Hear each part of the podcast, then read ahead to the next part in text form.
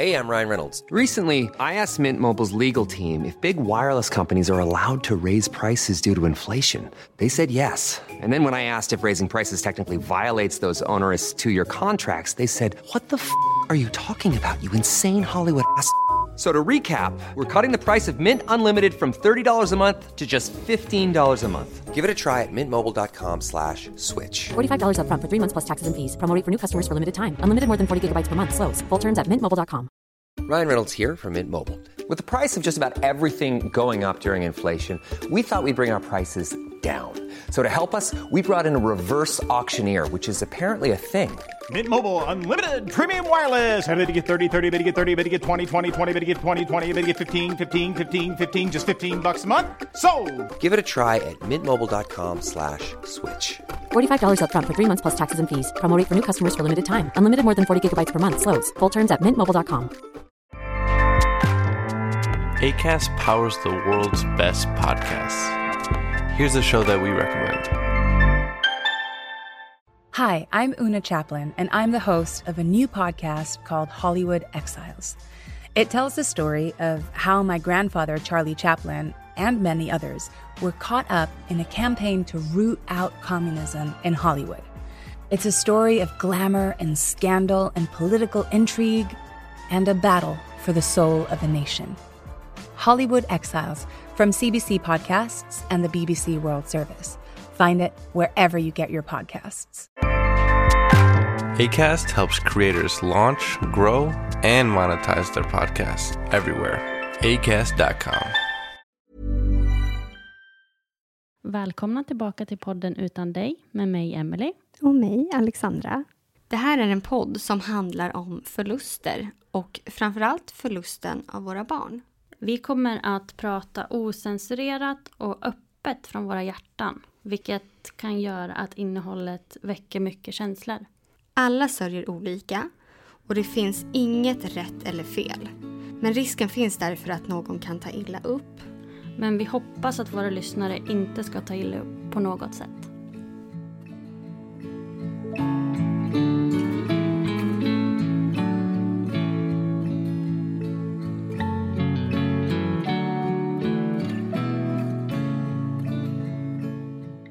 Dagens gäst som vi har här heter Ulla-Karin.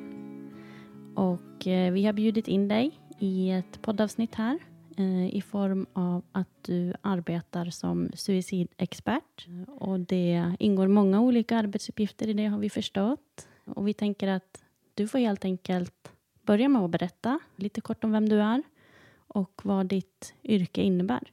Ja, jag är psykiater och psykiater det är en specialisering inom läkaryrket. Så att det är inte samma sak som psykolog, men jag har lite samma arbetsuppgifter. Och de senaste 25 åren ungefär så har jag jobbat heltid med självmordsfrågor, både regionalt här i Stockholm där jag bor och nationellt. Så att som du sa, det ingår många arbetsuppgifter. Jag skriver böcker, jag träffar väldigt många drabbade både personer som har bestämt sig för att avsluta sitt liv, då brukar jag bli inkopplad, och väldigt många närstående som har mist någon i självmord och personal som har mist en patient eller klient i självmord. Så att det här med stöd efter ett självmord har blivit någonting som jag ägnar mycket tid åt. Och så skriver jag böcker och Eh, framträder rätt mycket i media för att jag tror jag har blivit känd för att kunna prata om svåra saker på ett ganska enkelt sätt så att man inte blir rädd utan tvärtom tänker att det här kanske jag kan bidra med någonting. Eh, och det tycker jag är jätteviktigt att man lämnar en föreläsning eller ett möte med ett visst hopp om att man kan göra skillnad. Att man ser på sig själv som en viktig resurs för en medmänniska som har det svårt. Sen har jag en podd i Minds regi. Mind är ju den här ideella föreningen som har självmordslinjen. Eh, och den heter På liv och död. Och då ringer människor in och berättar om egna erfarenheter av självmord. Och den tycker jag mycket om, för jag tycker att vi behöver prata om det här på ett annat sätt än vad man har gjort tidigare. Och det gör vi också nu tack vare människor som ni som använder era egna erfarenheter för att hjälpa andra.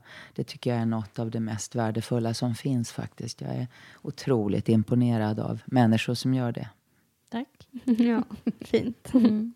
Vi har ju fått eh, önskemål faktiskt om att bjuda in dig som gäst. Ja. Eh, Så det känns jättefint att du vill vara här idag och att vi också liksom får äran att ja, men, kunna använda din kunskap nu till att svara Mm. på lite frågor Ja. som vi också har fått av våra följare och lyssnare. Mhm. Så jag tänker att vi, vi går igenom de här frågorna. Ja. Eh, svarar på så många som vi hinner eh, och kan. Och så kommer vi också säkerligen att flika in med egna frågor och funderingar under samtalets gång. ja. Det låter bra. Så jag börjar här med att läsa den första frågan. Och den lyder så här. Hur kan man förbättra stödet till anhörig när ett självmordsförsök skett? Vi blev inte erbjudna något stöd efter att ha hittat min lillebror död. Det stödet som vi har idag har vi fått söka själva. Ja, det där är ju någonting som vi inte har skött på ett bra sätt i Sverige. Det börjar bli lite bättre därför att medvetenheten om anhörigas behov har ökat. Men tyvärr har det varit så att det har handlat mer om tur eller otur vem man råkar träffa om man ska få stöd eller inte. Och vi som jobbar med det här vill ju att man ska bli erbjuden stöd som man kan tacka ja eller nej till. Också i suicidpreventivt syfte för att den som har förlorat någon i självmord har själv en ökad självmordsrisk. Så att eh, svaret på hur det, det har blivit så det är ju att man inte har satsat tillräckligt mycket på det här. Och vad man kan göra själv det är ju att läsa på, be om hjälp om man orkar. Om man inte orkar, be någon annan hjälpa mig att få hjälp. Och det finns hjälp att få. Det finns till exempel inom primärvården. De har ofta kuratorer, psykologer som är duktiga på att ge stöd. Det finns olika föreningar som kan ge stöd. Svenska kyrkan eh, kan ge stöd till sörjande. Och den här föreningen SPES, som eh, består just av människor som har mist någon i självmord, de är en jättestor resurs. Men det är ju ideella krafter. Jag tycker ju att man ska få någonting från ordinarie verksamhet, från vård och omsorg. Att det borde vara självklart att när man drabbas av en katastrof, då ska man få stöd och hjälp. Därför att det får man ju när det sker stora katastrofer. En flygolycka eller en bussolycka eller någonting sånt. Då blir det stora stödinsatser. Men en personlig katastrof, det är som att den inte riktigt räknas. Och det tycker jag är fel.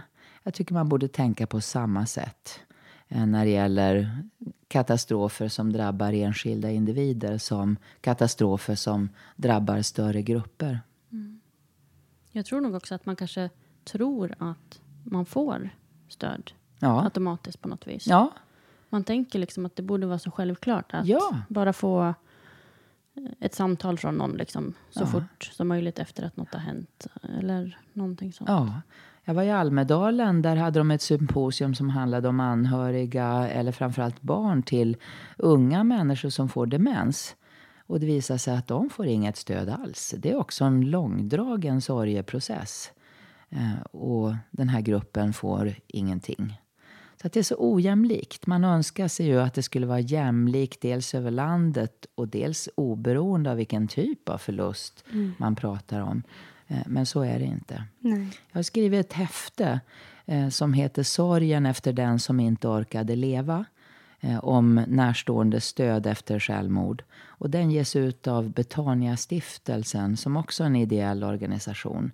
Så att det är ett vackert illustrerat häfte som innehåller rätt mycket information. Dels om självmord så att man kan förstå mer av vad som har hänt. Och dels vad man kan tänka på som sörjande närstående. Och också var man kan få hjälp. Så det kan man beställa. Jag tror det kostar 20 kronor. Man kan också ladda ner det gratis. Så Betania stiftelsens hemsida är bra att titta på. Fint. Jätteviktigt. Just det som du säger också med att få stöd om det händer någonting. För det skiljer sig jättemycket beroende på vilken sjukdom det handlar om också. Ja. Tänker jag. som vi då som har förlorat barn, nu har vi haft tur att vara på Lilla Erstagården där det finns personal, men andra som kanske haft barn som har dött i olyckor får kanske ingen stöd, medan föräldrar som har förlorat barn till cancer får också jättemycket stöd. Mm. Så att det skiljer sig jättemycket beroende på vad det handlar om. Ja, det gör det verkligen. Och beroende på vilken typ av sjukdom det är. Mm. Jag, jag fick själv bröstcancer för några år sedan.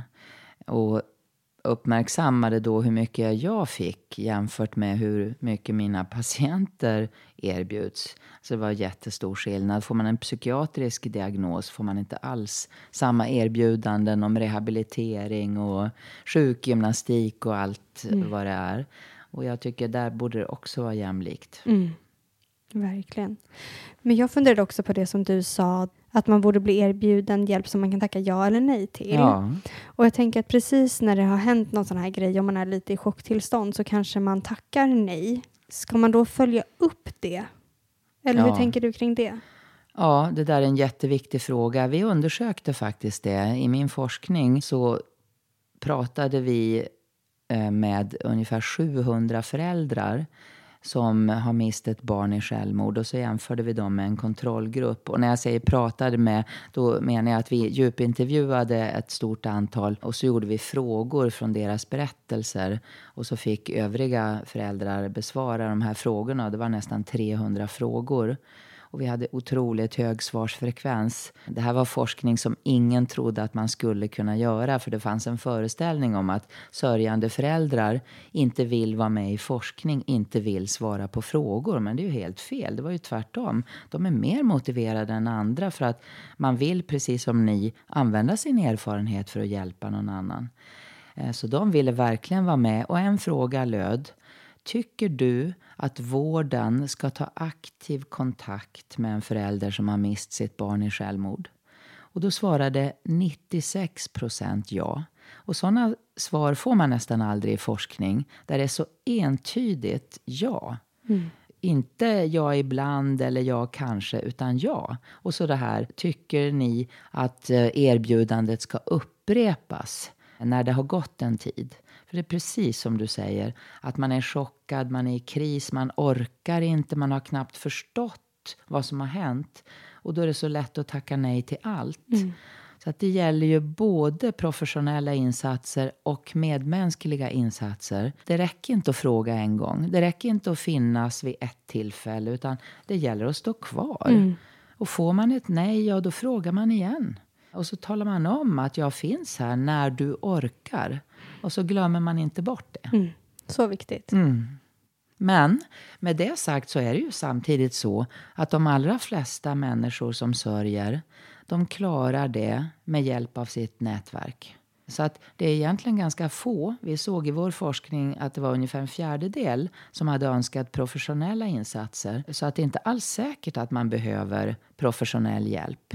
Men man behöver bli erbjuden och man behöver se att samhället bryr sig.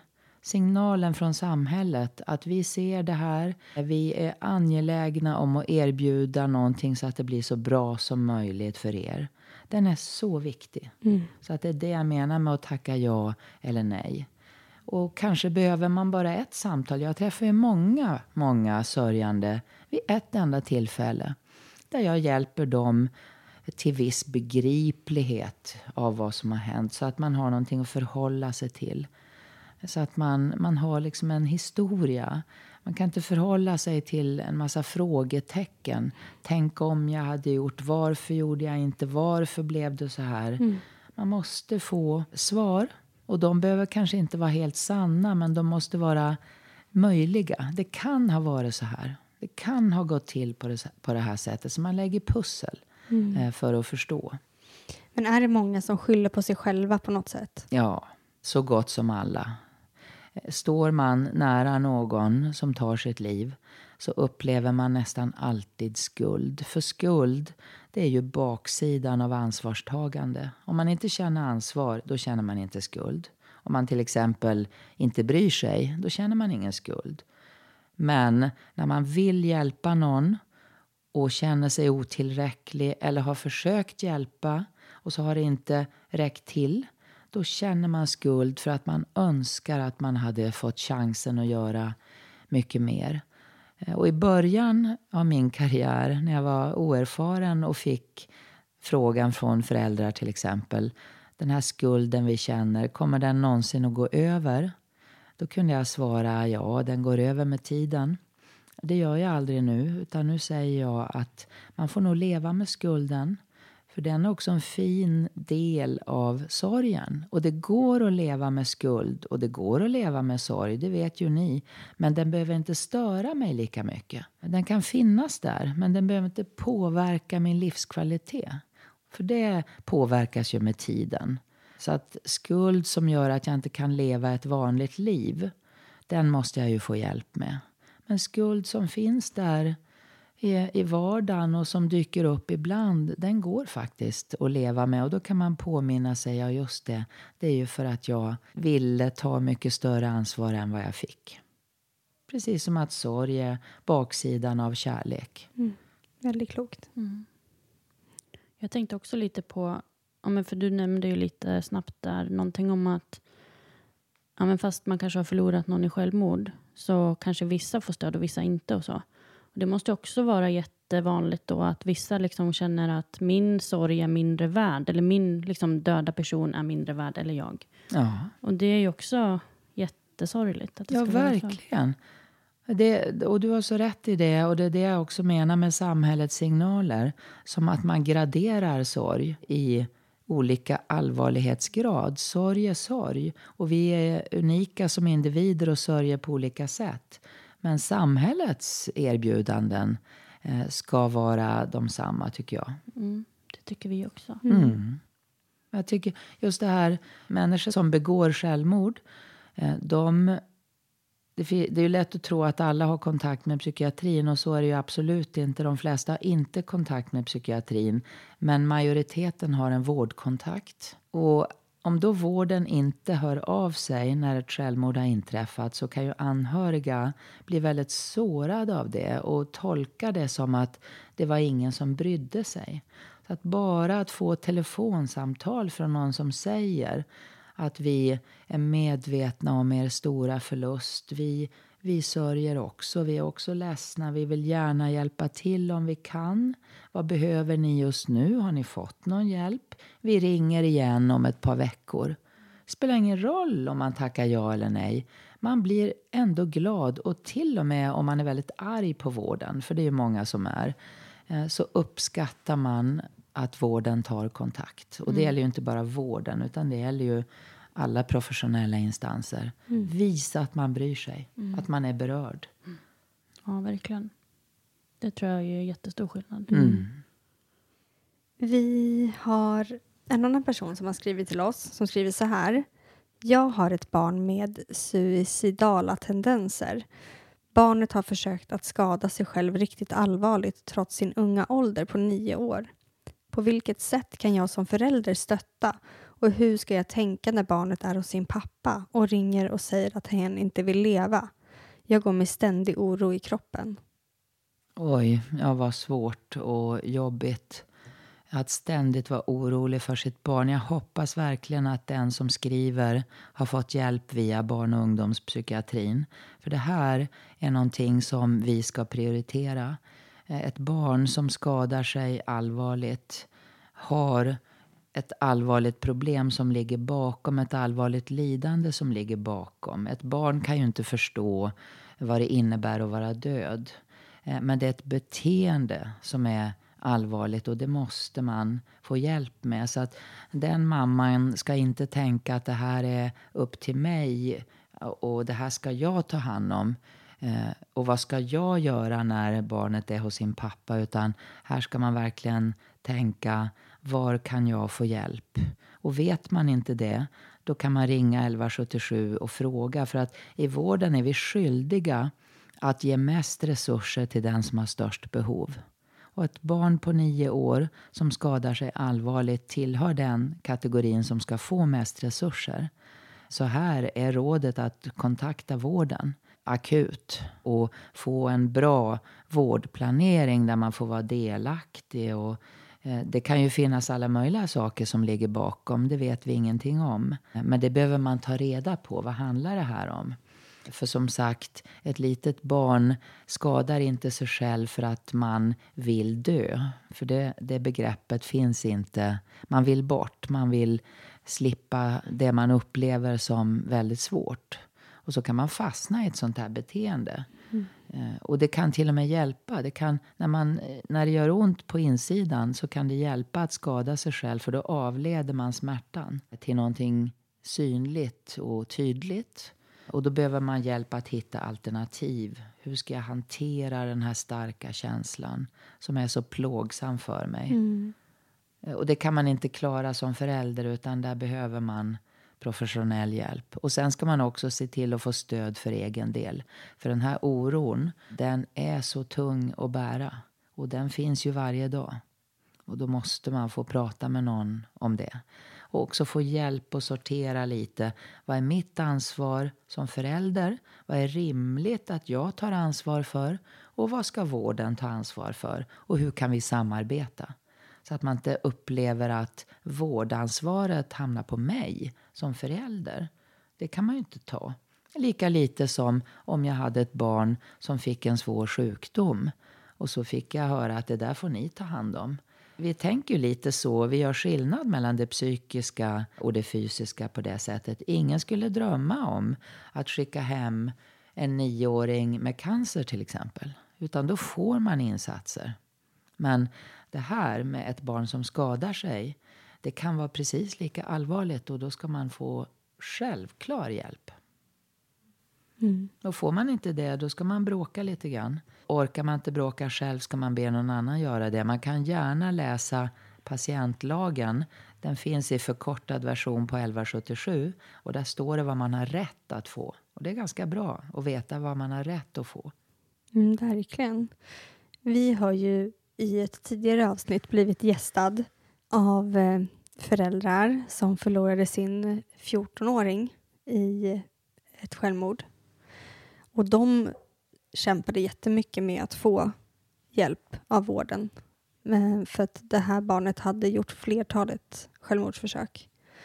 Men ändå har fått komma in till BUP-akuten. BUP-akuten ja, skulle jag tro. Precis, BUP-akuten på Sankt Görans. Mm. Men blivit hemskickade efter några timmar där. Några gånger. Och eh, sen så begick ju det här barnet självmord. Hur ska man som förälder Ska man liksom behöva stånga sig fram eller hur, hur gör man där egentligen? Man vill ju lita på professionella personer som ändå har en medicinsk expertis. Och samtidigt som förälder så vet man ju ofta bäst. Man känner ju sitt barn, man är, är expert. Och när man själv är väldigt, väldigt orolig så ligger det ju ofta någonting i det. Och tyvärr måste man stångas ibland. Och det där blir ju jobbigt. Det är därför jag brukar påminna om att det kan finnas andra som kan hjälpa till och stångas. Och att man kanske ibland också vänder sig till någon som är ansvarig. Vänder sig till någon chef och talar om vi har sökt gång på gång, vi får inte hjälp. Eh, vårt barn har försökt ta livet av sig och vi får inte hjälp. Då ska man få en tydlig vårdplanering som är trygg och säker. Man ska inte behöva vänta i kö. Man ska inte bli skickad hit och dit utan man ska möta någon som tar ansvar och berättar nu ska vi jobba så här, nu ska vi samarbeta. För det är klart man måste samarbeta, man kan inte lämna över ansvaret för sitt barn på någon annan. Och det är ingen förälder som vill det heller, man vill ju vara delaktig. Men just att känna det, jag har en engagerad person som jobbar tillsammans med oss för att hjälpa mitt barn att hitta andra sätt att hantera sitt lidande än att försöka avsluta sitt liv. Du nämnde ju då att man kan be en anhörig hjälpa till att stångas lite. Mm. Ja, om man har turen att ha någon. Just det, precis. Men är det okej från vårdens håll sett att till exempel en mormor eller en farmor eller en morfar eller vad det nu skulle vara för det barnets talan på något sätt? Ja, om barnet eh, är under 18 Eh, så råder ju inte samma typ av sekretess utan då kan man ju ha vårdnadshavare som för barnets talan och ibland för man ju barnets talan mot barnets vilja. Problemen uppstår ofta när barnet har fyllt 18 för då får man bestämma själv. Och det upplever ju många föräldrar som ett jätteproblem att plötsligt får man inte vara med längre. För att barn och ungdomar eh, de vill ju gärna skydda sina föräldrar. De vet att om föräldrarna får veta allting då blir de jätterädda. Och så vill man inte göra sina föräldrar rädda och ledsna. Och då kan man säga till vårdpersonal att jag vill inte att mina föräldrar ska veta det här. Och då gäller det ju för vården att börja arbeta med att motivera barnet. Att föräldrarna får vara med. Om det inte är så att det är olämpligt. För det är klart, det finns ju också situationer där föräldrar inte klarar att ta sitt ansvar. Där det finns svåra problem i familjen. Det ska man ju inte blunda för. Och där barnet säger det, jag vill inte att mina föräldrar blir inblandade. Så kan det vara. Men det är ändå undantagsfall. Det är vanligare att man har engagerade föräldrar som verkligen vill hjälpa till och som behöver få göra det. Vi pratade ju också lite grann om att när man är ett barn så vill man inte dö för att dö. Nej. Men finns det liksom någon åldersgräns då när man liksom vill ta självmord för att faktiskt dö? När man vet vad det innebär? Jag tror egentligen ingen vet vad döden innebär. Det, vi kan tro en massa saker, men ingen vet. Och det är väldigt svårt att längta till någonting som man inte känner till.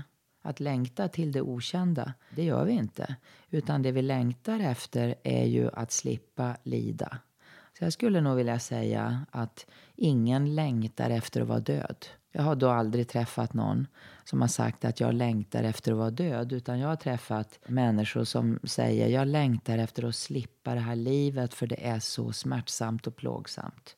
Sen finns det ju de eh, som längtar till döden därför att de är religiösa och tror att när jag är död då får jag komma till himlen eller då får jag möta Gud. Och det är ju lite en annan sak.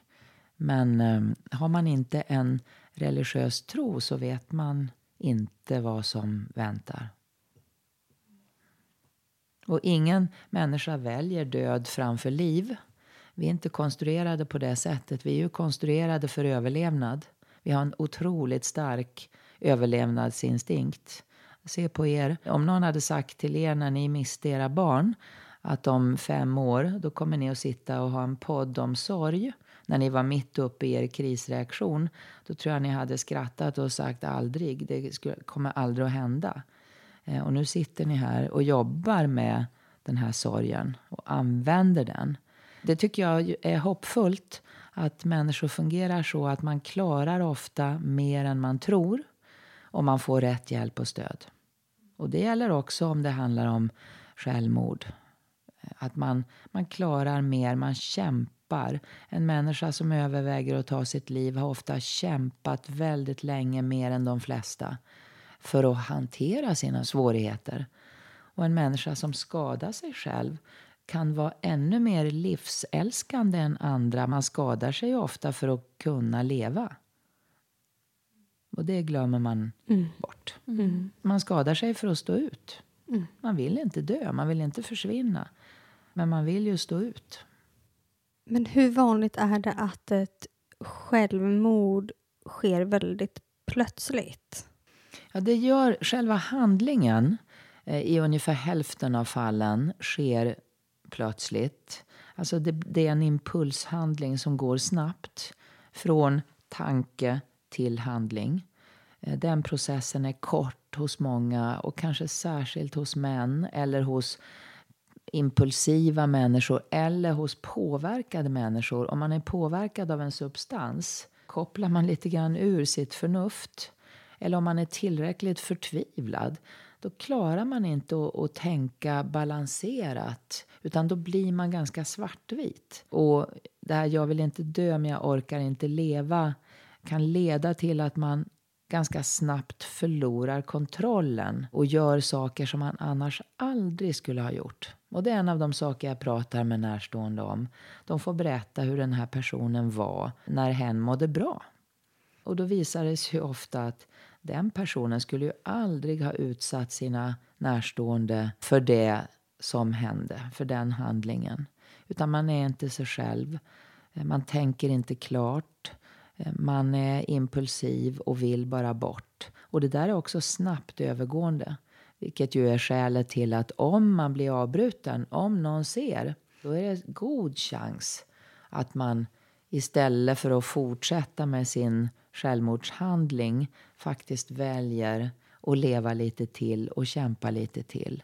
Så att det behövs ofta så lite, men det gäller ju att man är på plats. Mm. Och tyvärr är det ju ofta så att man inte är det. Det går så fort. Och särskilt idag när människor som försöker ta sitt liv är så pålästa. Man går in på nätet och läser om självmordsmetoder. Och det finns instruktionsfilmer och det finns allt möjligt hemskt. Så man vet precis hur man ska göra. Och då blir man så effektiv i sin handling så att man hinner inte ångra sig. Hur ofta är de här fallen där anhöriga inte haft någon aning om att ens nära har haft de här tankarna? Jag tror att nästan alla anhöriga, även om det har varit självmordsförsök, så är det omöjligt att föreställa sig att ett självmordsförsök ska leda till döden. Det går liksom inte att förbereda sig på det. På samma sätt som man kanske kan förbereda sig när det finns en svår sjukdom. Eftersom jag har jobbat med cancer och gör det fortfarande så jämför jag ju mycket. Och cancer, där brukar ju de flesta, eller andra svåra sjukdomar, så småningom komma till någon slags insikt att ja, så här kommer det att bli. Vi har gjort allt vi kan. Vården har gjort allt som går. Och det gick inte. Den här sjukdomen går inte att bota. Man försonas med det på något sätt eh, så småningom. Men när det gäller självmord går inte det riktigt. Och det har nog att göra med att vi inte förstår. Om man inte har varit i den situationen själv så kan man inte förstå hur man kan omsätta de här tankarna. Tankarna går ju att förstå. Tanken att om det blir värre än så här, då vill jag inte vara med längre. Den är ju ganska vanlig. Den skulle jag gissa att ni har tänkt någon gång. Att det här står inte jag ut med. Jag vill inte vara med längre. Och det är inte alls samma sak som att vara akut självmordsbenägen. Men just det där steget mellan tanke och handling. Det går inte att förstå. För det är att göra våld på självbevarelsedriften på ett sätt som ingen normalt fungerande människa gör. För det är för läskigt. Man kan inte med viljans makt till exempel hoppa framför tåget. Det går inte. Impulsen är ju att akta sig, att kasta sig bakåt. Men den som är självmordsbenägen och tillräckligt inne i sin mörka bubbla kan alltså helt lugnt ibland ta ett steg fram och hoppa ner på spåret när tåget kommer. Så jag tror det här att man inte kan förbereda sig, att det kommer som en chock Eh, det är mycket, mycket vanligare när det gäller suicid. Jag tror också att det är vanligare när det gäller män. Därför att fortfarande är det så att kvinnor och flickor har bättre förmåga, åtminstone på gruppnivå, att uttrycka sitt lidande, att berätta hur man känner sig, att be om hjälp. Medan väldigt många pojkar och män bär det här inom sig ber inte om hjälp, visar upp en yta som inte alls stämmer med hur det känns inuti. Och då kommer självmordet som en blixt från klar himmel. Och det har jag mött många, många gånger. Och det är ju nästan det värsta av allt när man inte ens fick chansen att hjälpa till. Liksom det finns ingen gräns för vad vi skulle ha gjort. Vi hade tagit ner månen om det hade behövts. Men vi förstod ju inte. Vi visste ingenting. Mm. Men finns det några små varningstecken där som man kan kolla efter? Ja, det är, det är bra att du frågar om det.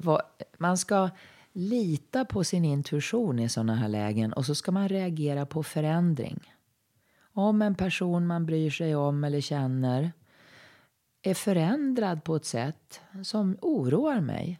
Säg att en ung människa till exempel, eller det behöver inte vara en ung människa, det kan vara vem som helst, börjar dra sig undan, tackar nej till sociala aktiviteter, Eh, kanske blir förändrad i sitt humör, blir väldigt irritabel eller argsint eller gråter. Kanske slutar sköta skolan eller jobbet, kanske börjar dricka mer än vanligt, kanske börjar använda droger utan att ha gjort det förut. Skolresultaten sjunker. Alltså all förändring som är oroande, då ska man tänka jag ska våga fråga vad det här handlar om. Och så ska man säga det. Eh, jag tycker att du är förändrad. Jag blir orolig. Vill du inte berätta för mig? Är det något fel? För jag vill så gärna hjälpa till om jag kan. Och man kan säga utan att vara orolig för att det ska göra situationen värre att jag vet att när man har jobbigt då finns det de som tänker på självmord och nu är jag jätterädd att det är så för dig. Och de tankarna ska man inte gå med själv. Så då måste du berätta. Vill du inte berätta för mig så måste du berätta för någon annan. Och om man inte får något svar, för det kan ju ta ett tag innan poletten trillar ner, särskilt när det gäller psykiska besvär. Man tror att det inte syns och så kommer någon och frågar. Så man kanske backar först. Då kan man säga, är det okej okay att jag frågar nästa vecka? Jag märker att du inte orkar prata om det här just nu. Men kom ihåg, jag finns. Ring, ta kontakt. Och jag frågar igen. Står du ut med att jag är lite tjatig? Eh, för i så fall kommer jag att fråga en gång i veckan. Är det okej? Okay? Och då kanske man får ett ja bara för att personen vill slippa. Eh, och då får man stå ut med att vara lite tjatig också. Men om den säger nej då? Ska man ändå tjata ja, då? då ska man ändå tjata när det gäller sådana här saker. Mm. För impulsen är ofta att säga nej. Mm. Precis som i akut sorg. Att impulsen kan vara att tacka nej till allting för man orkar inte. Mm. Man, man har så fullt upp av det som sker inuti. Det är som att man har en lapp i pannan där det står upptagen. Det är liksom ingen idé att komma med någonting utifrån för man är full av sina egna känslor och reaktioner. Och det är också den som mår väldigt psykiskt dåligt.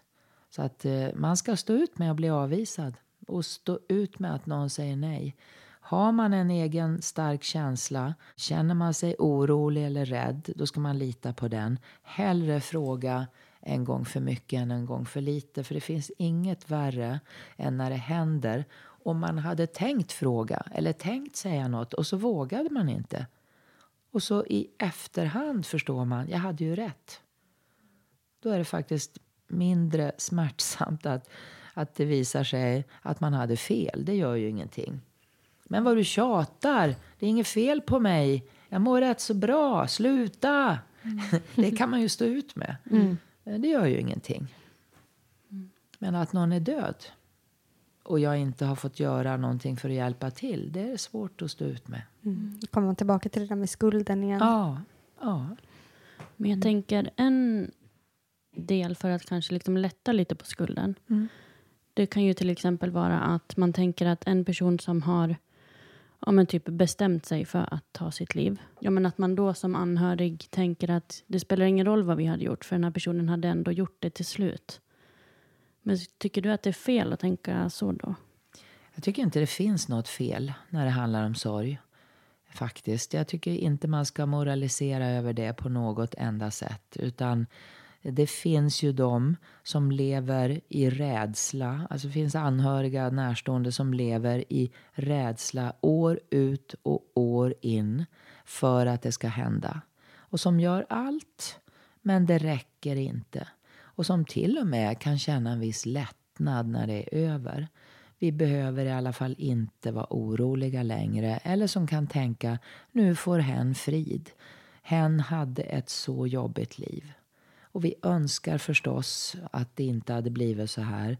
Men det är en trösterik tanke.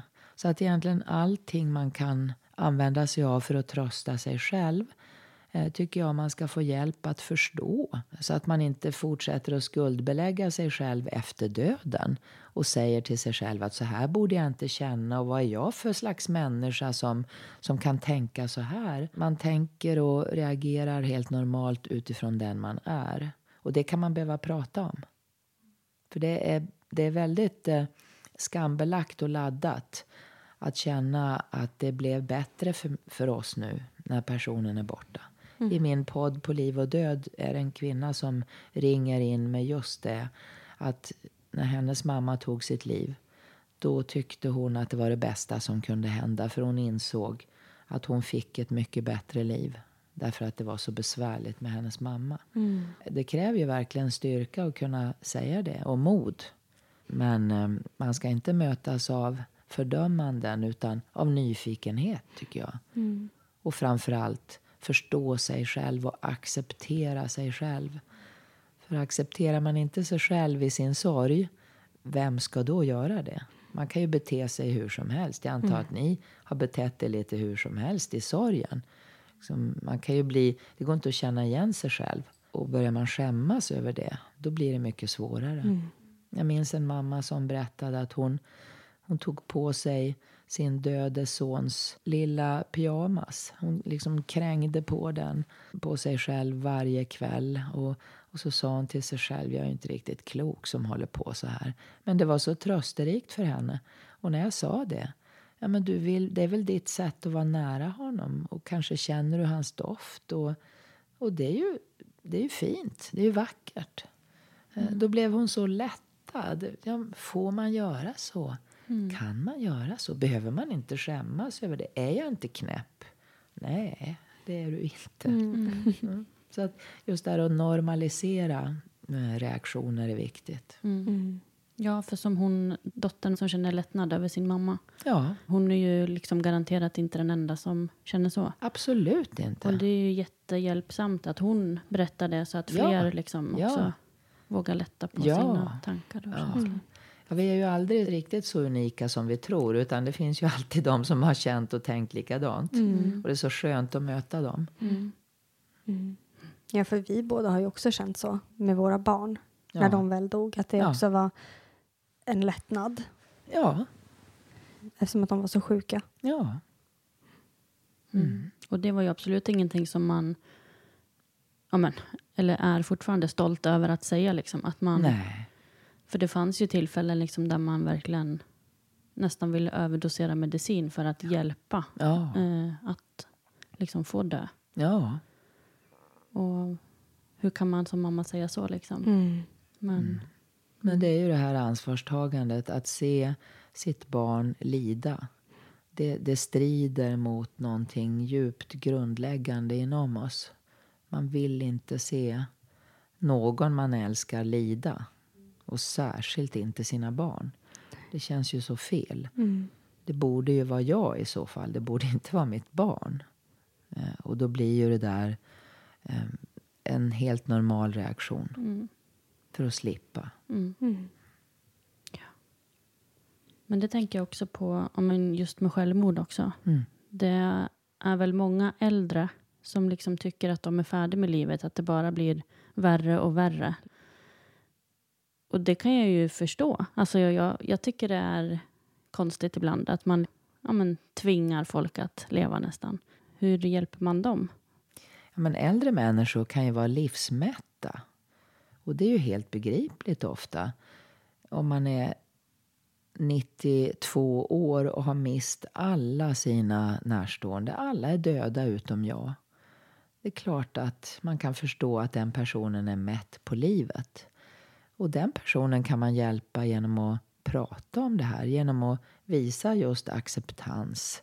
Att det är begripligt att du tänker så här. Det är inget konstigt. Och jag är jätteglad att du berättar för mig. Och jag lyssnar gärna och jag pratar gärna igen. För det här är så viktigt. Och så lyfta eh, någon förmåga hos den här personen. Vad fint du beskriver det här.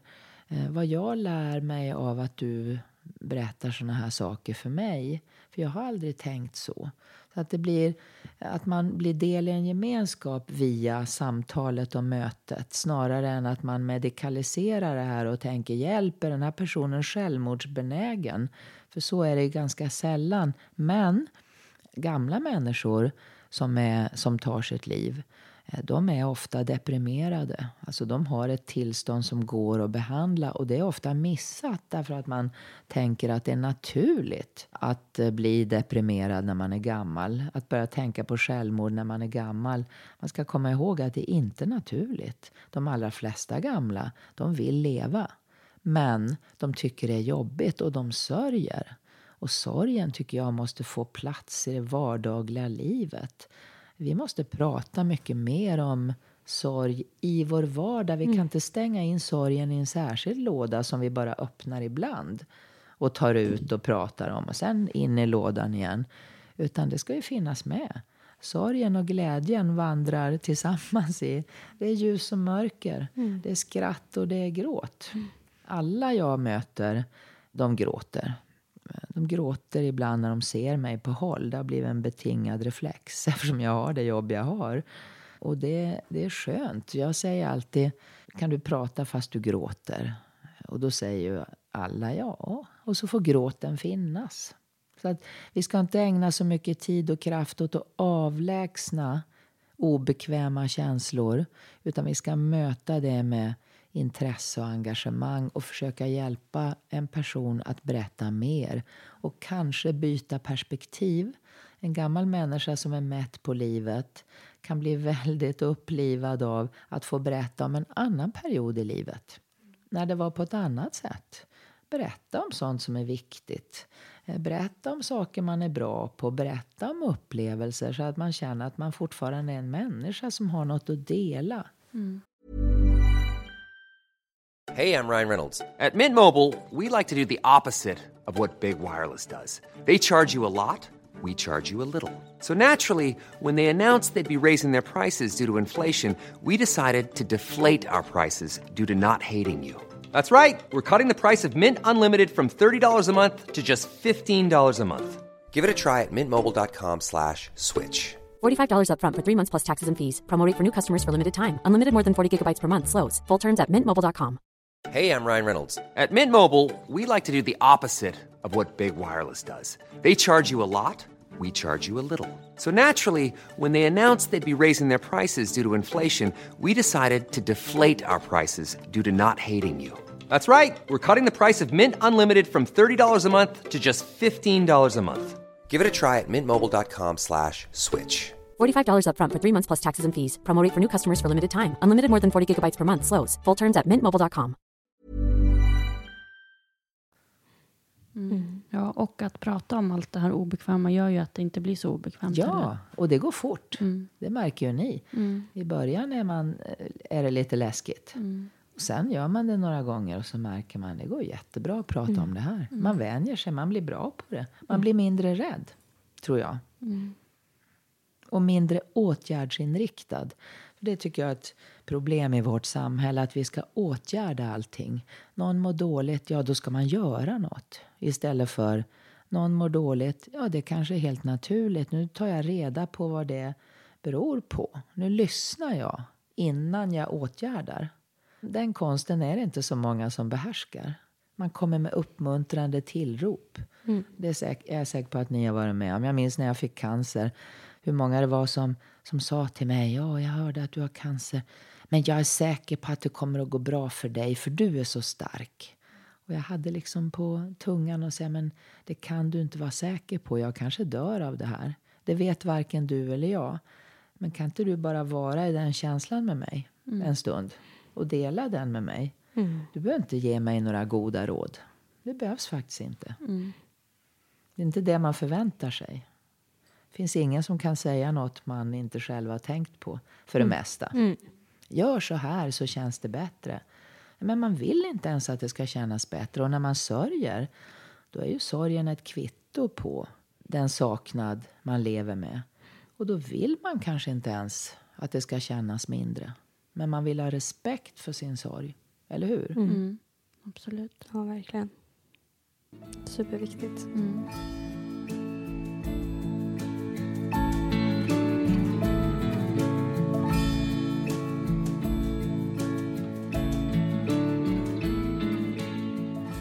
Gällande då självmord. Mm. Personer som har en NPF-diagnos, ja. vad jag har hört, löper en högre risk ja. att begå självmord. Ja. Stämmer det? Ja, det stämmer. Ska du säga vad NPF-diagnos är ifall det är någon som inte vet? Ja, men det är väl till exempel ADHD och autism och så. Ja, mm. ja.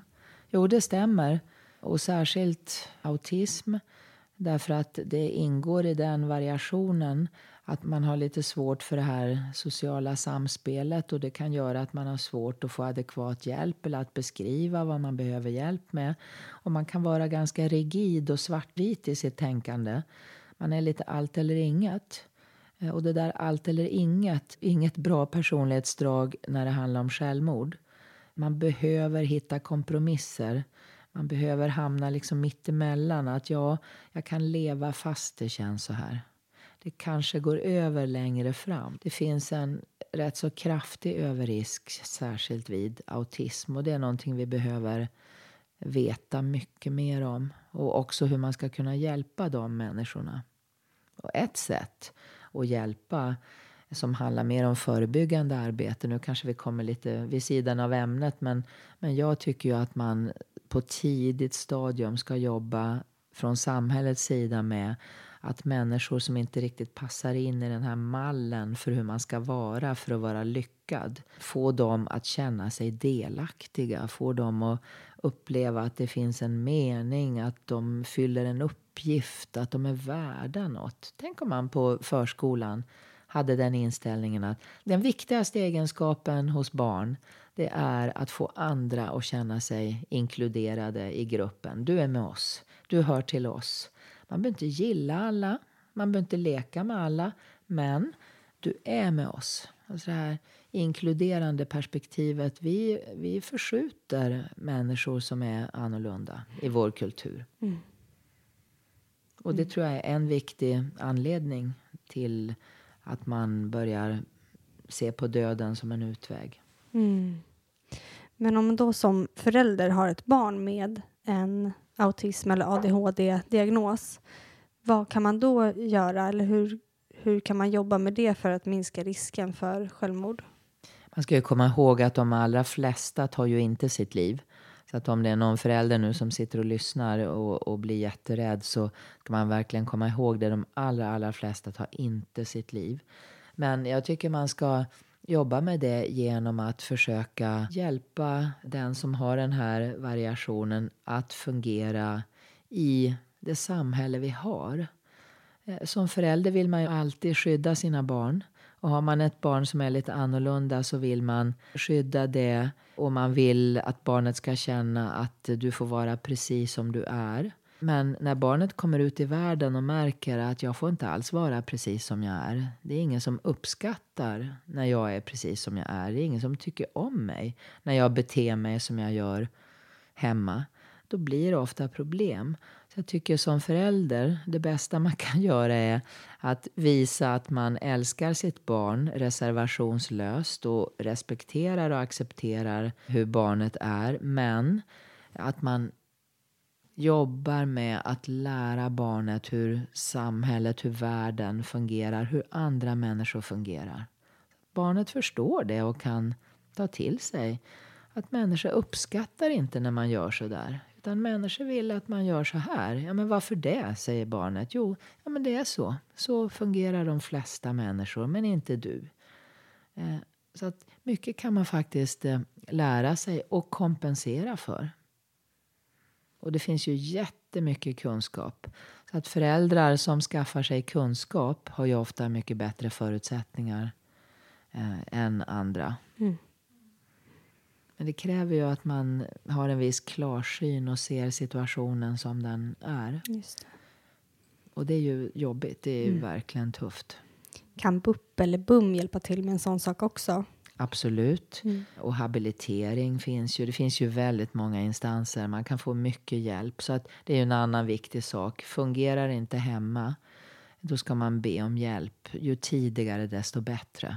När man märker att dels det finns ett lidande hos barnet och dels det finns en nedsatt funktionsförmåga. Mitt barn fungerar inte i skolan. Mitt barn fungerar inte med kompisar. Mitt barn fungerar inte i familjen. Eh, då, då behöver man be om professionell hjälp och försöka övertala barnet, för det är inte alla som vill. Mm. Eller mitt barn vill inte gå till skolan, sitter hemma och spelar hela nätterna. Då måste man ingripa eh, och ju tidigare desto bättre. Och då finns det ju en massa skyldigheter från samhällets sida. Mm. Faktiskt. Men det bör vara hjälpinsatser från många olika håll. Det är inte enbart en vårdfråga utan det är en, det är en fråga för oss alla egentligen. Mm. Och för många professionella instanser. Mm. Viktigt. Jättebra råd. Mm. Nästa fråga uh, lyder så här. Hur viktiga är anhöriga för att förhindra suicid? Och det är ju lite som vi har varit inne på. Men du får ändå svara på frågan. Ja, jag, jag skulle nog våga påstå att anhöriga och andra människor, om man vidgar det till närstående, är det starkaste skyddet vi har. Därför att det utgör ju någon slags mening med livet. Eh, att man har relationer. Relationer behöver alla. Det spelar ingen roll om man är sjuk eller frisk eller vilken kulturell bakgrund man har eller vilken ålder eller vilken, vilket kön så har man behov av relationer. Så att eh, jätteviktiga. Men inte ansvariga för om en person lever eller dör. Och det där är ju svårt. Man vill ju träda in och ta över ansvaret. Men det går inte.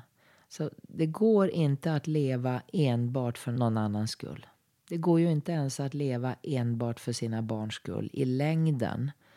Eh, för då blir man så trött. Man måste hitta egna skäl att leva. Vad gör mitt liv värt att leva? Och det här är en fråga man behöver fundera över. Har man barn så är den frågan ofta lättare att svara på. Ja, mina barn gör mitt liv värt att leva. Mitt mål i livet är att ge mina barn en bra framtid. Eller hur? Det är en ganska naturlig inställning. Men, men där att fundera lite över meningen med livet. Och vilken riktning vill jag att mitt liv ska ta? Och vad prioriterar jag i mitt liv? Och vad vill jag förmedla till andra människor? Och hur vill jag att människor minns ett möte med mig?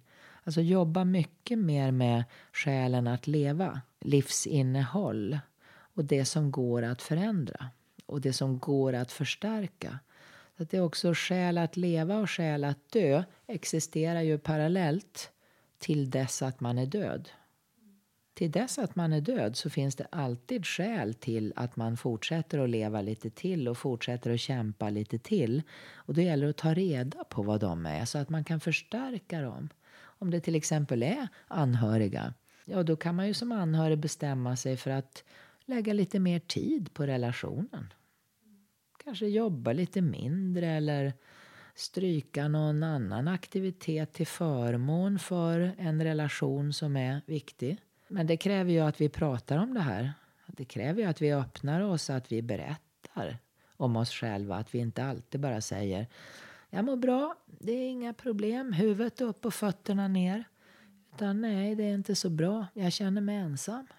Om man säger det till någon, jag känner mig ganska ensam. Då är det rätt stor chans att någon erbjuder sig. Men känner du dig ensam? Det ska du ju inte behöva göra. Kan vi inte träffas? Eller hur? Mm. Men det här håller vi ofta för oss själva. Men tycker du att anhöriga också ska hjälpa till med att liksom prata om och fundera på sådana här frågor som vad gör mitt liv värt att leva? Ja, mm. jag tycker alla människor ska fundera över det här. För man kan vara helt säker på att den som överväger självmord har funderat rätt mycket över döden, vad som gör livet värt att leva och vad som väger åt i den andra riktningen. Mm. Eh, det har man tänkt på och man har tänkt på vad som händer efter livets slut. Och om ingen annan tänker på samma saker då är det mycket svårare att mötas. Så jag tycker de här existentiella frågorna, att använda sig av dem. Att jag har också tänkt som du eller jag förstår hur du tänker, vill du veta hur jag tänker? Att dela det här Eh, det ger en, en trygghet. Och det ska man absolut göra som närstående. Det är mycket svårare att möta någon i existentiell nöd om man inte själv har funderat mm. över sitt eget liv.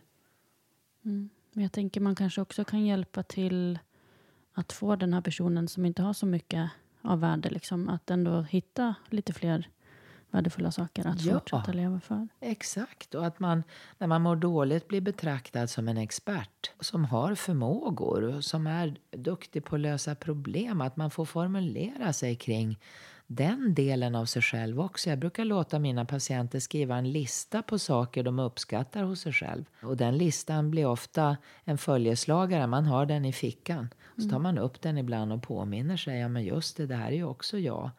Jag är inte bara min diagnos eller en person som har problem. Ingen tycker om att bli betraktad som ett problem som ska lösas utan jag är också en människa med stora resurser. Så det är en konst att väva in det och prata också om det. Ungefär som att skulden är baksidan av ansvarstagande. Eh, och ansvarstagande vill man ju vara, det är en fin egenskap. Och vi kan hitta sådana samtalsämnen så att man inte enbart pratar om svårigheter med människor som lider, för det blir så himla tungt. Vem orkar det? Man bara pratar om självmordstankar och olika symptom och lidande och elände. Det finns verkligen ingen som orkar med det. Jag har ett jättefint exempel från jobbet när en kurator ringde mig och hon berättade om en man som hade med sig ett avskedsbrev varje gång de sågs. Han skrev ett avskedsbrev, det hade han och uppdaterade år ut och år in. Och hon sa, jag orkar inte, det är så tungt. Kan inte du hjälpa mig? och hitta ett annat sätt att prata och så jobbar vi lite med det. Och så ringde hon efter ett tag och så sa hon, vet du, sen vi började prata om andra saker då har den här mannen övergått från att skriva avskedsbrev till att skriva betydelsebrev. Så nu skriver han om sin betydelse för andra och andras betydelse för honom. Han säger fortfarande att han ska ta livet av sig. För det får man ju tänka och säga. Men han pratar om betydelse. Mm. Och då sa jag förstås till henne, det är ju helt lysande. Säg till honom att det kommer jag att använda i min undervisning. Så att nu har han hjälpt mig att hjälpa andra. Mm. Vilket är helt sant. Jag berättar det ofta. Eh, och det gjorde hon. Och då är jag säker på att han blev lite glad och stolt. Och det är en fin egenskap. Mm. Man uppmärksammar någonting bra som han gör. Mm. Och det handlar inte om att tänka positivt. Det handlar inte om att avlägsna smärtan. Gör så här så känns det bättre. Utan det handlar om att hitta motkrafter som också finns. Man mm. kan vara ledsen, men man får också vara glad. Och det gäller ju sorg. Det är många som får dåligt samvete när de är glada. Mm. Hur kan jag skratta? Jag som har mist mitt barn, till exempel. Vad är jag för människa? Och så börjar man kritisera sig själv istället för att tänka ja, jag måste få skratta, jag måste få återhämta mig ibland. Jag kan inte leva mitt i sorgens epicentrum 24 timmar per dygn. Det går ju inte. Det finns ingen som orkar det. Ja, verkligen klokt. Vi har fått en annan fråga här där man frågar vad finns det för efterlevande stöd för ungdomar och barn? Ja, det är lite klent med det faktiskt. Där önskar jag att jag skulle kunna säga att det finns ett självklart nationellt arbetssätt som alltid träder in. Men det gör det inte. Utan det ser lite olika ut över landet. Men där har SPES också verksamhet. Och där har Röda Korset och det finns en del andra organisationer som jobbar med att ge stöd till barn. Så att det finns men inte samlat. Så att man måste ta reda på vad som finns just där jag bor. Eh, och där kan det vara bra att ringa 1177 och fråga. Vi har ungdomar som sörjer eller barn som sörjer. Vad finns det att tillgå? Mm.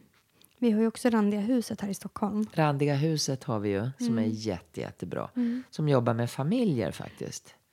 Men Randiga huset finns ju inte överallt. Det gör ju inte det. Finns det någon annanstans än i Stockholm? Jag tror inte det. Nej. Mm.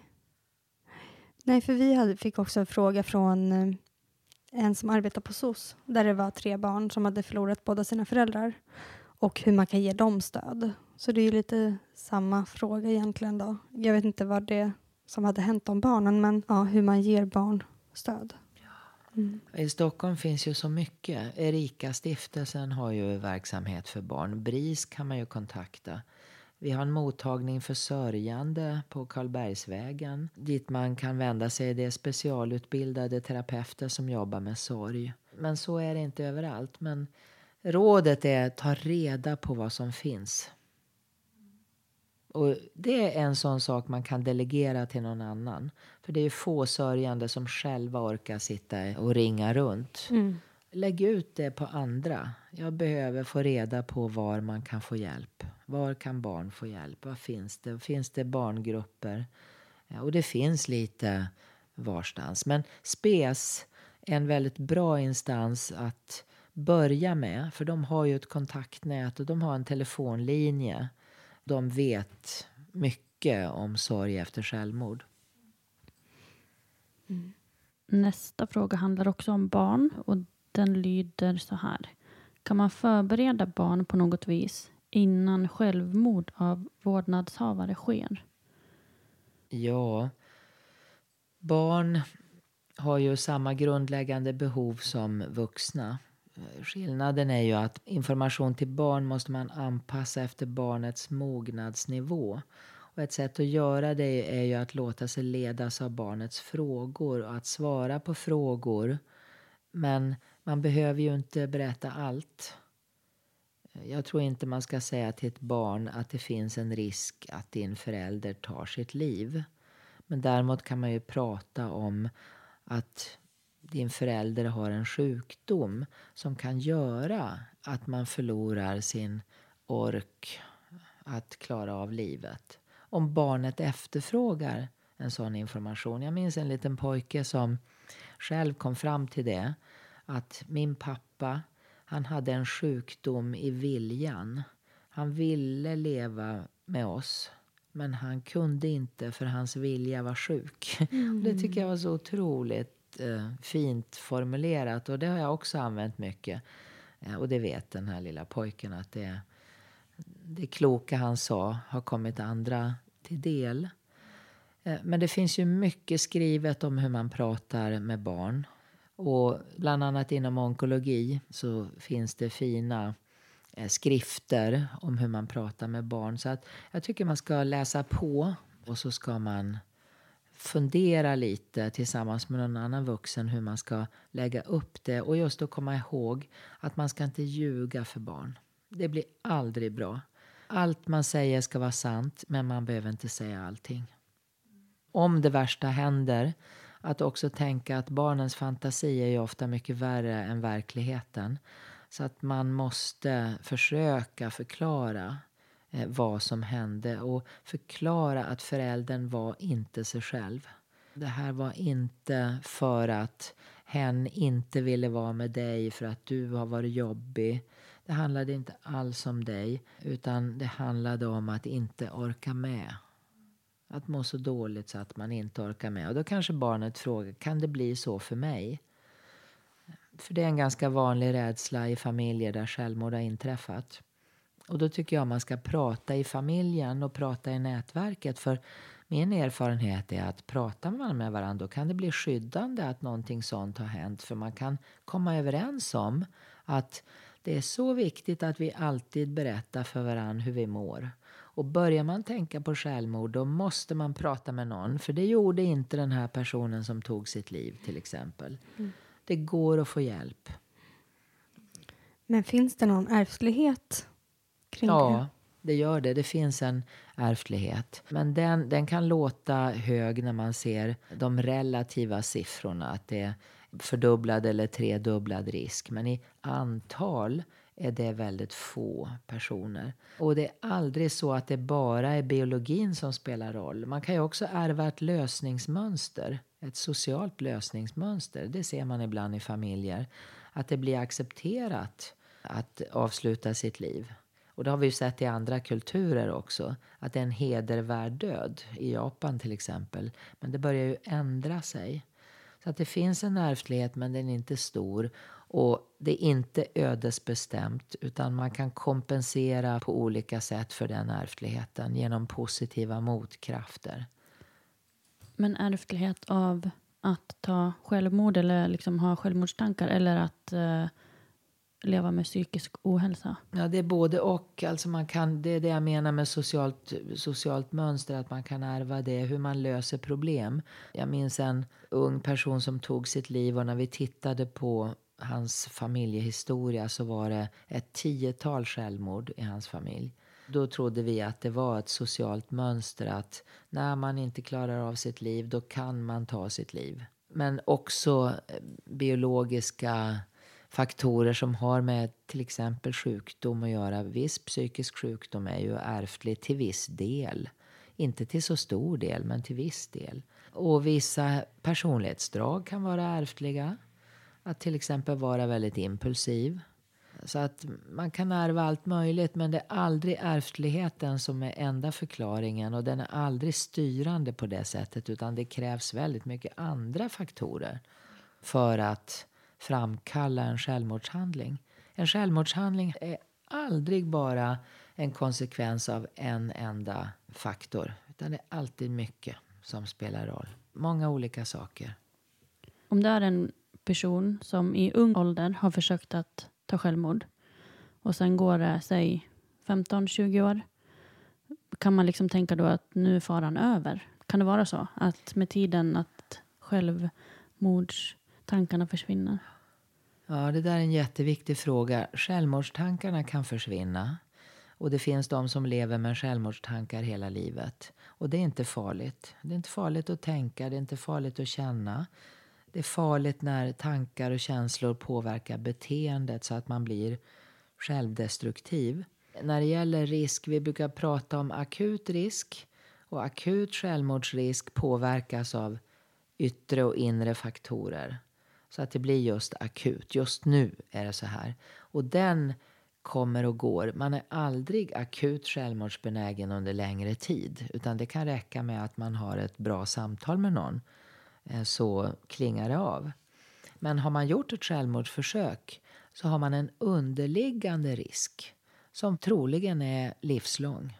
För då har man liksom arbetat upp ett kognitivt spår och man har gjort våld på självbevarelsedriften och blir mindre rädd.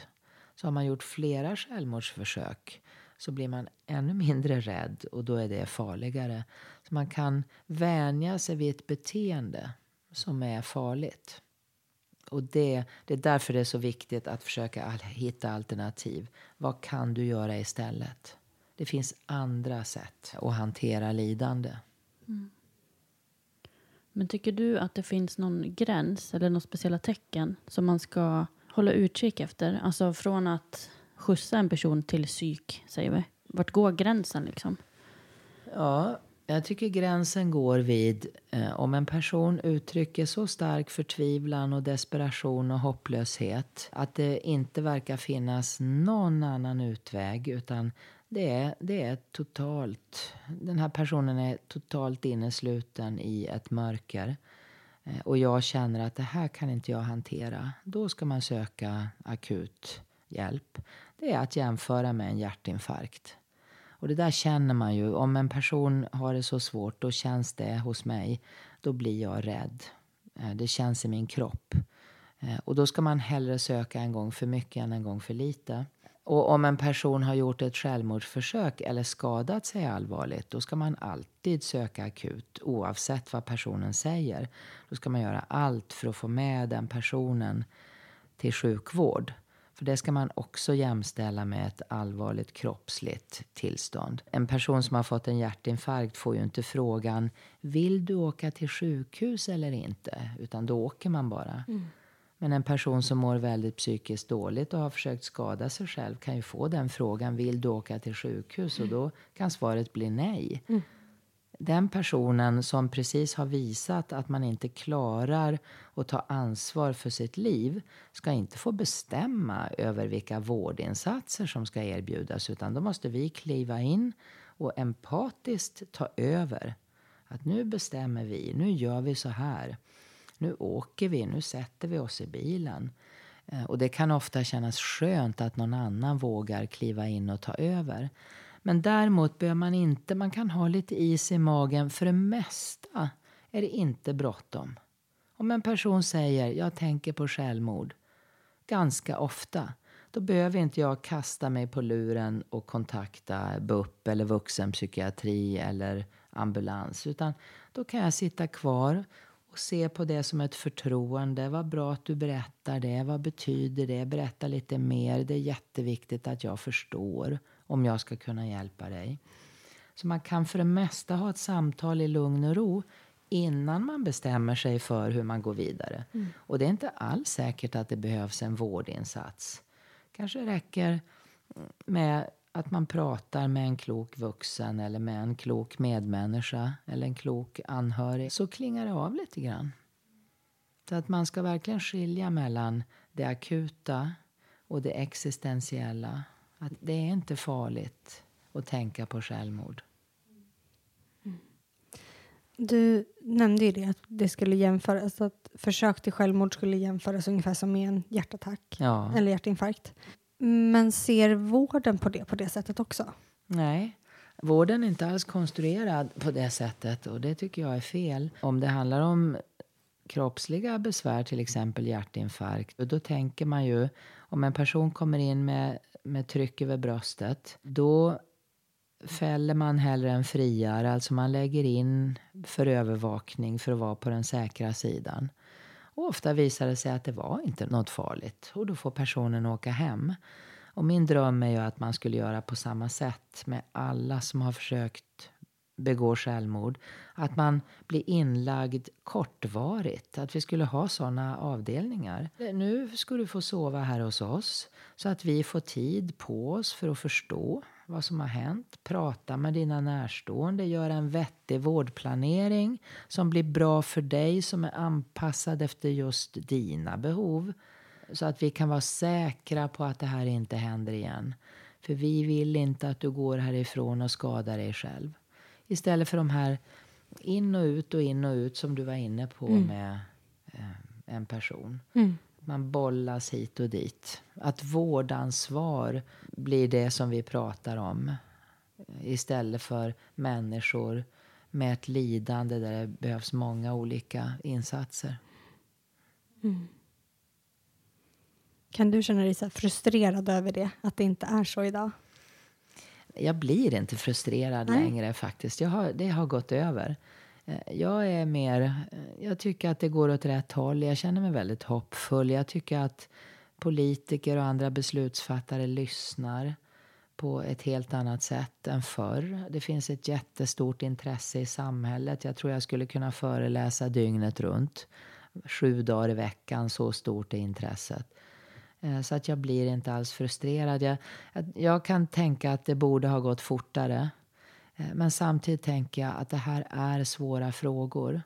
Det är inte så konstigt att det tar tid. Och det finns ju starka tabun kring det här av ett skäl. Självmord har ju varit förbjudet. Och självmord, eh, när man ser på den tid där eh, kyrkan hade en större inverkan i människors liv så var ju självmord en förbjuden och avskyvärd handling. Människor fick ju inte ens bli begravda på kyrkogården när de hade tagit sitt liv. Så att vi har ändå kommit ganska långt. Om jag jämför med bröstcancer. Bröstcancer var ju också en skamlig sjukdom för inte så väldigt många år sedan. Eh, och nu pratar vi om bröstcancer hur lätt så alla kan prata om det. Det skrivs hur mycket som helst. Och jag tror faktiskt att det kommer att bli så också när det gäller det här. Att vi kommer att hitta ett naturligt sätt att prata och hjälpa och finnas för varann. Och utöka resurserna så att de är anpassade efter människors behov. Jag tror det. Mm. Men då kommer vi vidare lite in på nästa fråga. För det finns ju Suicide Zero. Ja. Men är det rimligt att tro att alla kan räddas? Det är rimligt att tänka att man ska försöka rädda alla. Och det här med Suicide Zero, det är ju en vision, precis som nollvisionen för självmord. Vi ska ha visioner. Vi har visioner när det gäller andra tillstånd också. En vision att ingen ska dö i cancer, en vision att ingen ska dö i trafiken, en vision att ingen ska dö genom att drunkna. Och det är ju fint och bra. Och det har lett till att man satsar från samhällets sida för att förebygga. Till exempel trafikdödligheten har ju minskat kraftigt tack vare att man har gjort viktiga saker för att öka trafiksäkerheten. Så att eh, på så vis är det bra med en vision men vi kommer aldrig att kunna förhindra alla självmord. Det går inte. För att människor kan ju ta sitt liv efter en lång och plågsam sjukdom till exempel när man till slut inte orkar längre. Man har blivit sjuk så många gånger så att man orkar inte en gång till. Och det gäller ju alla svåra kroniska sjukdomar att de har en ökad dödlighet. En person som har fått tillbaka sin cancer åtta gånger kanske till slut inte orkar. Kroppen orkar inte och personen dör. Och det kan vara samma sak faktiskt med, med självmord. Mm. Mm. Men just det här konsten att vi inte ger upp. Personen som är drabbad kan ju ge upp. Men vi får ju aldrig utstråla att vi har gett upp. Utan vi ska fortsätta och kämpa till dess att personen inte finns längre. Jag kämpar för dig, jag anstränger mig för din skull. Jag vill inte att du ska ta ditt liv. Jag kommer att göra allt jag kan för att förhindra det. Alltså att man har den inställningen. För du är så viktig, du behövs. Jag vill träffa dig igen. Jag uppskattar våra samtal. Och på tusen olika sätt som man kan utstråla det här. Mm. Men det är en person som har frågat om den som tar sitt liv tänker på de efterlevande.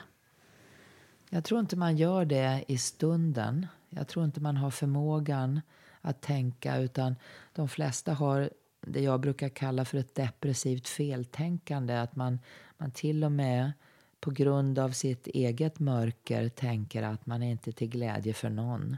Till och med att världen blir en bättre plats utan mig. Eller mina närstående får det bättre utan mig för jag är bara till besvär. Jag är inte till glädje för någon för jag mår så dåligt. Och där måste ju motkraften in. Att vi alla försöker påminna varann om vars och ens värde. Du är värdefull. Du har kompetens och expertis och erfarenheter som är viktiga. Vi får inte glömma det. Mm.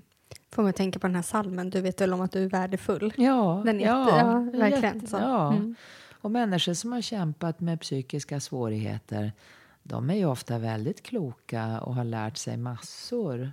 Eller hur? Mm. Det är alltid spännande att prata med personer som har sådana erfarenheter. Men då måste de också få känna det. Att du är med i vårt arbete. Vi måste ha ett gemensamt mål. Vi måste vara överens om att det här är ett rimligt mål mm. för dig. Inte att vi så kallade experter kommer in och talar om hur det ligger till. Nu ska vi göra så här så kommer det att kännas bättre för dig. Men personen kanske inte alls vill det. Så det slarvar vi lite med. Istället för att fråga vad vill du? Har du något råd till mig? Hur vill du att vi ska gå vidare nu? Vad kan du göra själv? Vad kan dina närstående göra? Och vad kan vi göra? Och då pratar jag inte om det här urakuta.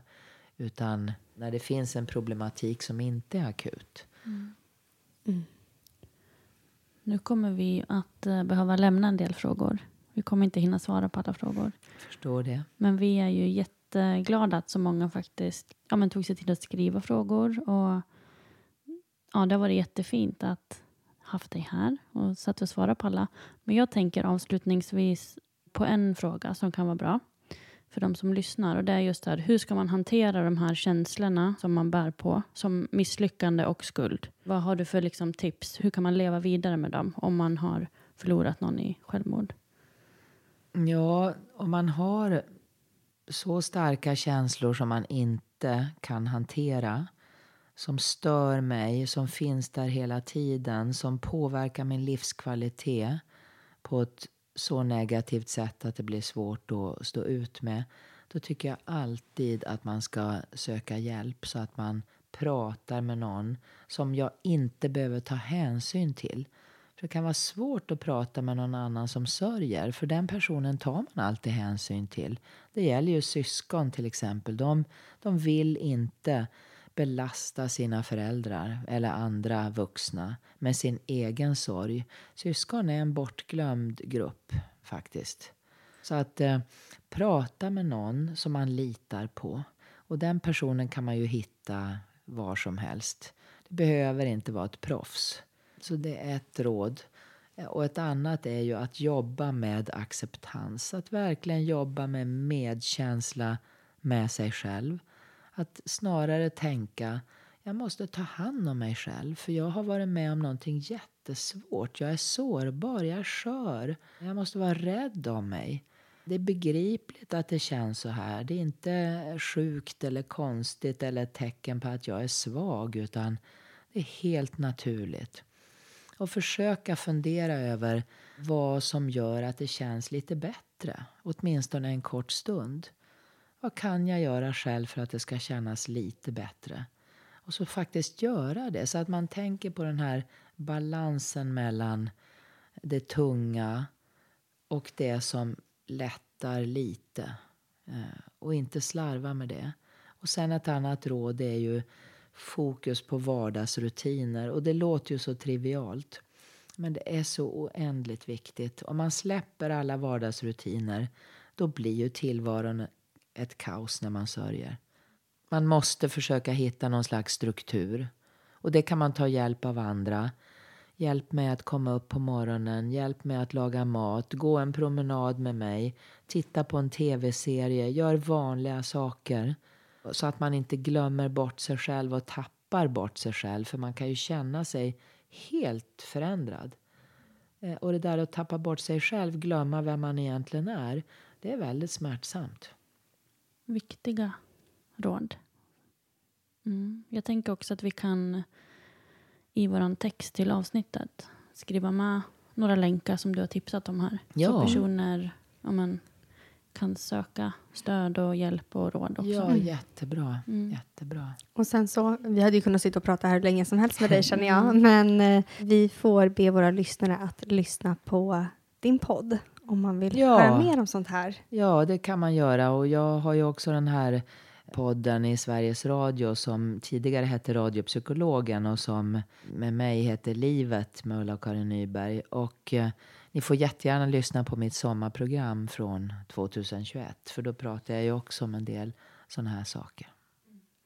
Och läsa mina böcker. Konsten att mötas heter den sista, mm. senaste boken.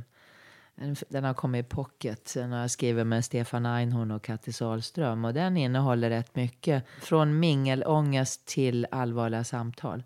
Där får man rätt mycket tips hur man kan möta varann och hur man kan prata med varann och hur man kan hjälpa varann och sig själv.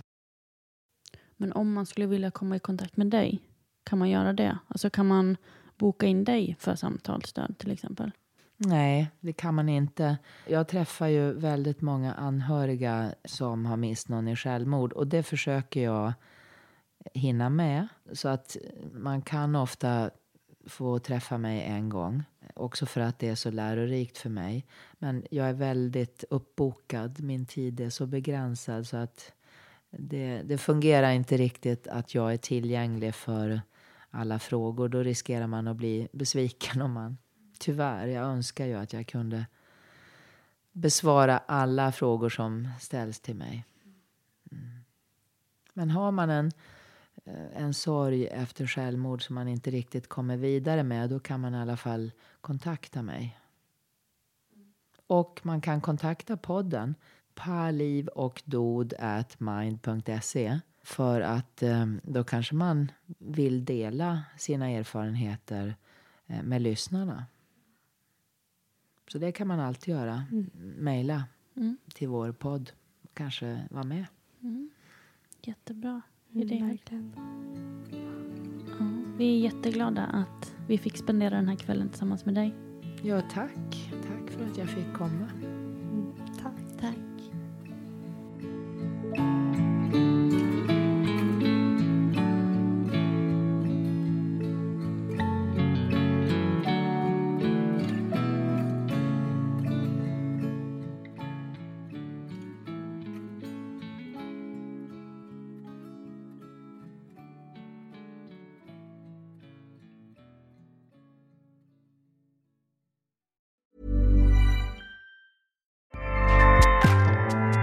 ACAST powers the world's best podcasts. Here's a show that we recommend.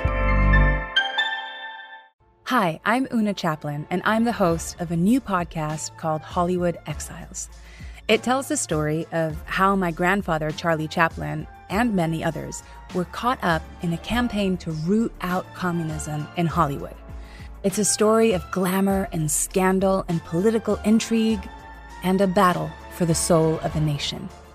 Hollywood Exiles from CBC Podcasts and the BBC World Service. Find it wherever you get your podcasts. ACAST helps creators launch, grow, and monetize their podcasts everywhere. ACAST.com.